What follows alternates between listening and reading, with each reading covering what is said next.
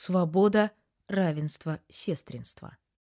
Общественная эмансипация, пишет немецкая философка Сюзанна Леттов, может быть понята как политика субъективации, в ходе которой происходит самотрансформация индивидуов и коллективов людей, включая преобразование аффектов, желаний и потребностей, следствием которых становятся социальные преобразования и наоборот.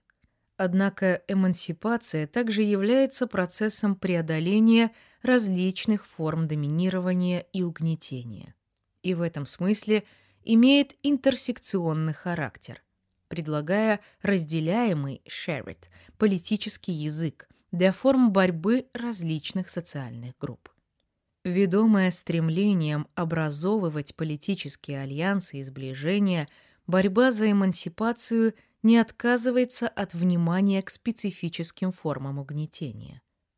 В случае белорусской Revolution in Progress происходила эмансипация многочисленных групп – женщин, ЛГБТ-людей, людей старшего возраста, людей с инвалидностью, различных профессиональных объединений, которые заявляли о своей видимости и нежелании подчиняться авторитарной власти. Тем самым – формировалось новое представление о белорусском обществе как негомогенном и состоящем из множества групп, а также опирающимся на солидаризацию внутри каждой из них и с другими. Политическая субъективация стала выражением и результатом процессов солидаризации.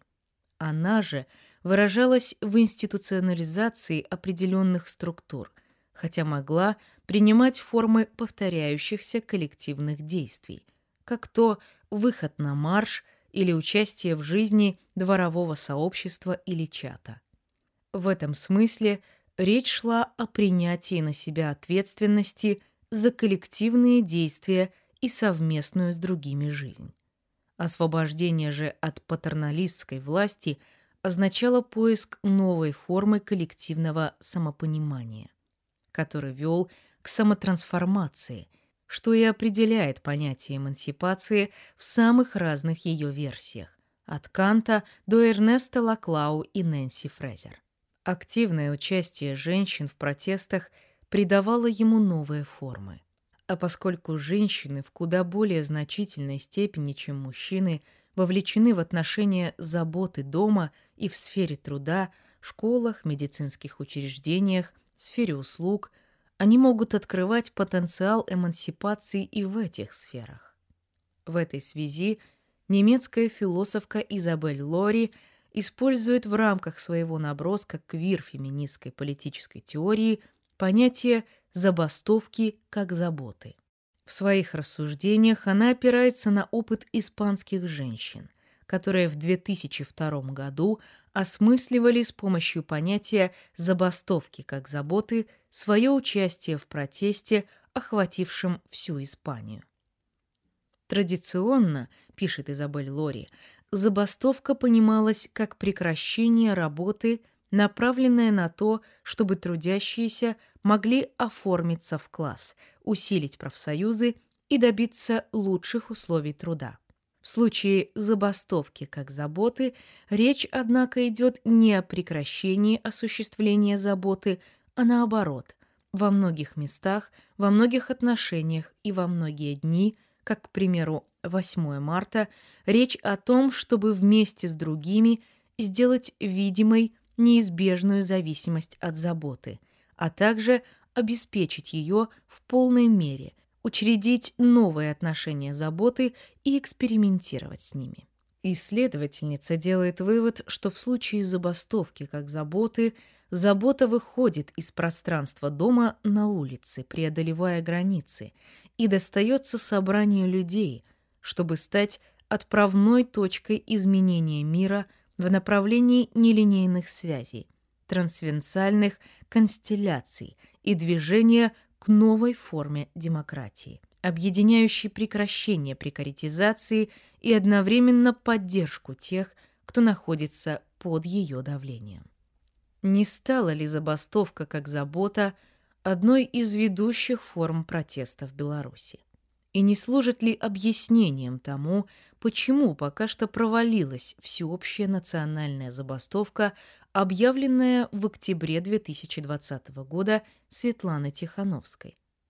Это значит, что ситуация отсутствия традиционных инструментов солидаризации и защиты своих прав, например, в виде независимых профсоюзов, а также постоянного создания государством преград для запуска и развития таких инструментов посредством угроз, насилия, задержания и похищения людей, создание новых форм взаимной поддержки становится важнейшей формой самого протеста.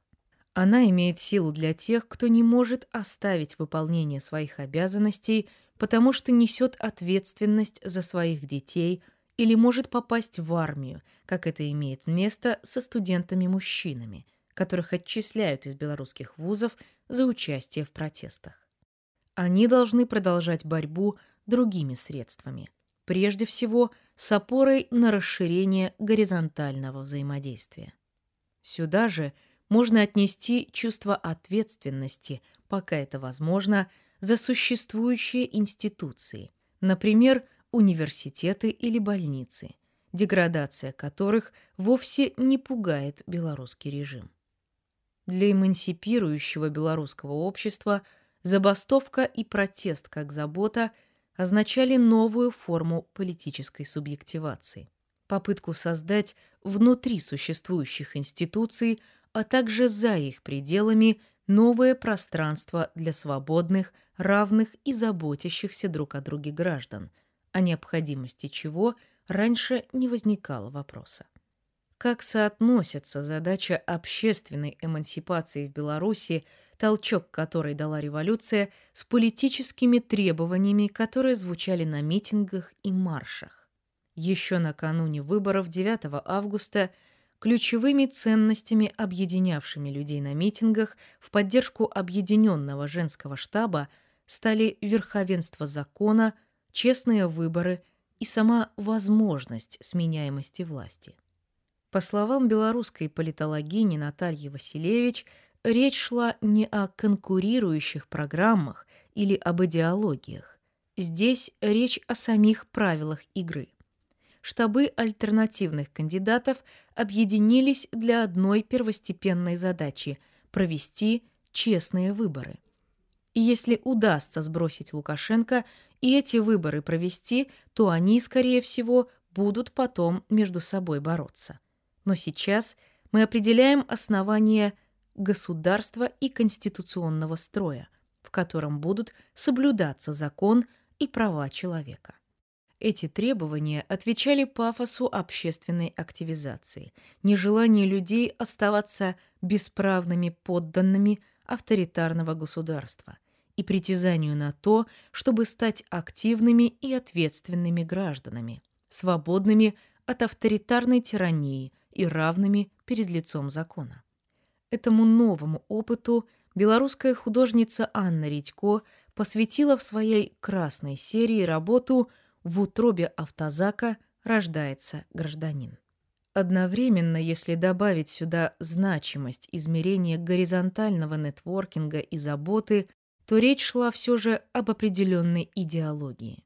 Из феминистской перспективы ее можно было бы выразить с помощью лозунга «свобода, равенство, сестринство». Подобная перспектива предполагает, что в разных группах – имеются разные возможности борьбы за свободу, и именно их учет становится условием того, что в обществе будут слышны все голоса, а не только голоса определенных, привилегированных граждан и групп. Это также вопрос о том, в какой мере такой учет и внимание к различиям отвечает понятию нации в смысле национального сообщества. які перадаецца ад пакалення да пакалення.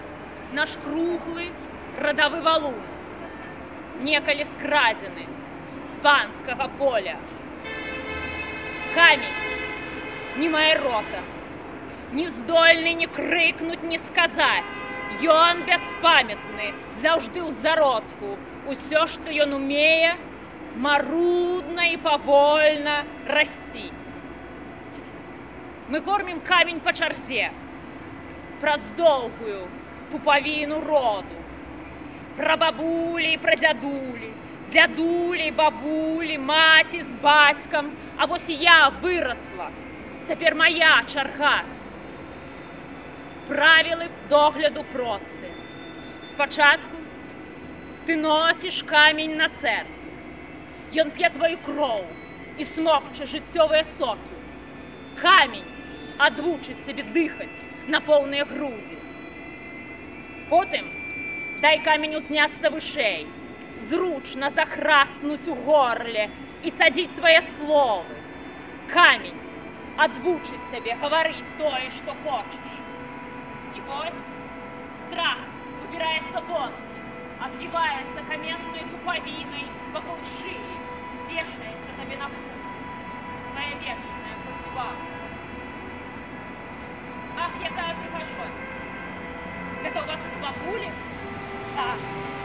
Толькі яго беражыце. Абавязкова.